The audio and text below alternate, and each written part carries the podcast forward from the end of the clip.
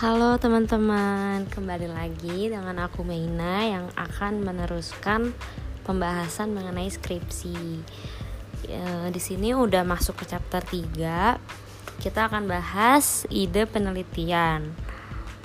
Sebenarnya dalam skripsi, hal yang paling mendasar ini memulai sebuah penelitian, yaitu yang uh, wujudnya ini bisa dalam bentuk proposal skripsi, tesis, ataupun disertasi. Intinya adalah kita dalam penelitian itu kita mencari ide penelitian. Namun, sebelum mencari dan menemukan ide penelitian, ada beberapa hal yang harus direnungkan. Yang pertama yaitu um, berapa lama akan menyelesaikan tugas ini tugas dalam hal ini kita bahas skripsi. Selain itu juga kita harus menemukan sebuah ide penelitian dengan scope of research yang pas. Kita juga harus memilih penelitian yang pas dengan rencana penyelesaian studi kita. Jadi misal eh, kita 6 bulan maksimal itu penyelesaian skripsi satu tahun untuk penyelesaian tesis S2 dan 3 tahun untuk penyelesaian disertasi S3 kayak gitu.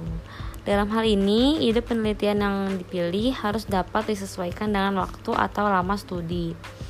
Selain itu jika sudah ditentukan berapa lama akan menyelesaikan maka perlu direncanakan untuk membuat schedule penelitiannya.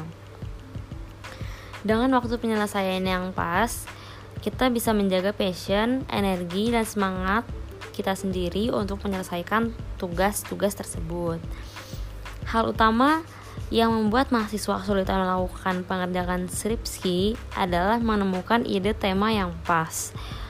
Pas dalam konteks ini menyangkut kriteria tema yang diusung memiliki level kesulitan yang dapat diterima. Sumber bacaan cukup tersedia, modal dari penelitian terdahulu sudah well established, dan data yang dibutuhkan itu tidak sulit memang e, tidak mudah ya untuk menemukan ide tema yang tepat untuk kriteria di atas. Tapi e, sebenarnya juga apabila sudah menemukan tema dengan kriteria yang pas, sebenarnya sudah menemukan sudah dapat melakukan pengerjaan skripsi 50%. Jadi ketika memang um, istilahnya di awal itu kita mencari tema yang pas memang sangat sulit. Tapi ketika um, tema tersebut sudah rampung sudah sudah di genggaman itu uh, akan menjadi uh, sangat mempermudah jalannya skripsi untuk ke depannya karena e, bayangkan saja ketika tema sudah sudah didapat itu ibarat kita sudah mengerjakan 50% tahapan dari eh, keseluruhan skripsi. Lalu hmm, eh, maka dari itu hal utama yang terbaik untuk dapat melakukan pencarian ide adalah dengan menggabungkan fenomena-fenomena atau fakta-fakta ekonomi saat ini dengan landasan teoritis yang pernah dilakukan semasa kuliah.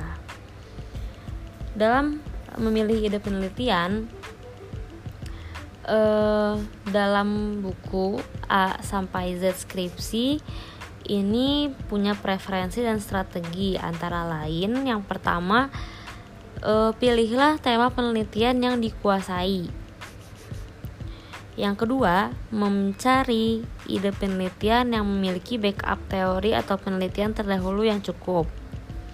Ketiga, mencari ide penelitian yang memiliki model penelitian yang telah diaplikasikan sebelumnya.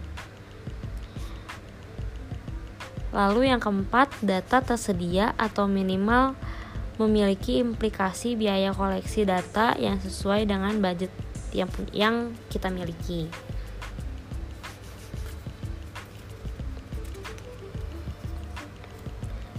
Uh, ketika tema yang diusung memiliki level kesulitan yang dapat diterima ini adalah salah satu um, kategori yang harus dimiliki ketika memang uh, kita sedang mencari tema. Lalu uh, kayak seperti tadi sumber-sumber uh, data dari penelitian terdahulu ini tersedia cukup banyak dan cukup uh, mudah untuk ditemukan. Lalu ada model penelitian yang uh, terdahulu yang sudah well established. Data yang dibutuhkan ini tidak sulit. Jadi memang ketika uh, data yang dibutuhkan ini dicari dan sulit ditemukan, tentu akan menjadi sangat menyulitkan kita untuk selanjutnya meneruskan skripsi dengan data yang seperti itu. Jadi hindarilah eh, data-data uh, yang uh, sulit untuk ditemukan. Lalu yang terakhir uh, yang tadi sebelumnya sudah dibahas, ini ada uh, tahapan pengerjaan bab-bab dalam skripsi. Jadi disarankan dalam um, mengerjakan skripsi ini di dimulai dengan tahapan yaitu kita mengerjakan bab 2, bab 3 dan bab 1. Tahap 1 itu tentu kita membaca jurnal atau paper dengan penelitian yang inline dengan apa yang akan kita lakukan. Kemudian membuat ringkasan dan catatan kecil. Selanjutnya dibuat matriks dalam Excel. Dalam tahapan ini, setelah direview research question dari penelitian terdahulu, selanjutnya temukan research gap dan novelty yang akan dilakukan dalam penelitian ini. Tahap 2, menulis bab 2 dan bab 3 tahap 3 pendahuluan bab 1 terakhir hmm, renungkan tiga hal penting sebelum memulai penelitian dan menuliskan rumusan masalah. Jadi kita cari research focus, research gap, dan research implication. Research focus ini uh, isinya adalah apa fokus penelitian yang sebenarnya kita pengen angkat. Lalu research gap, apa perbedaan skripsi yang yang dilakukan dengan penelitian skripsi yang sebelumnya. Jadi dalam pengerjaan skripsi tentu kita punya acuan skripsi yang modelnya mirip dengan yang kita lakukan uh, yang sebenarnya menjadi inspirasi dalam kita melakukan pembuatan skripsi tersebut. Jadi di sini research gap adalah tujuannya untuk membedakan di mana kita ingin mengulas dan apa yang membuat skripsi kita ini beda dengan skripsi yang menjadi acuan kita.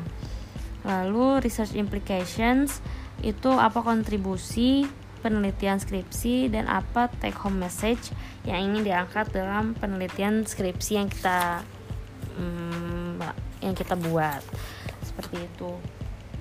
Um, sekian dari chapter 3 um, semoga dalam chapter ini dapat lebih mudah lagi kita untuk menemukan tema yang akhirnya nggak berujung dengan gambling gambling gambling karena tentu itu akan menghambat um, kelancaran dari pembuatan skripsi.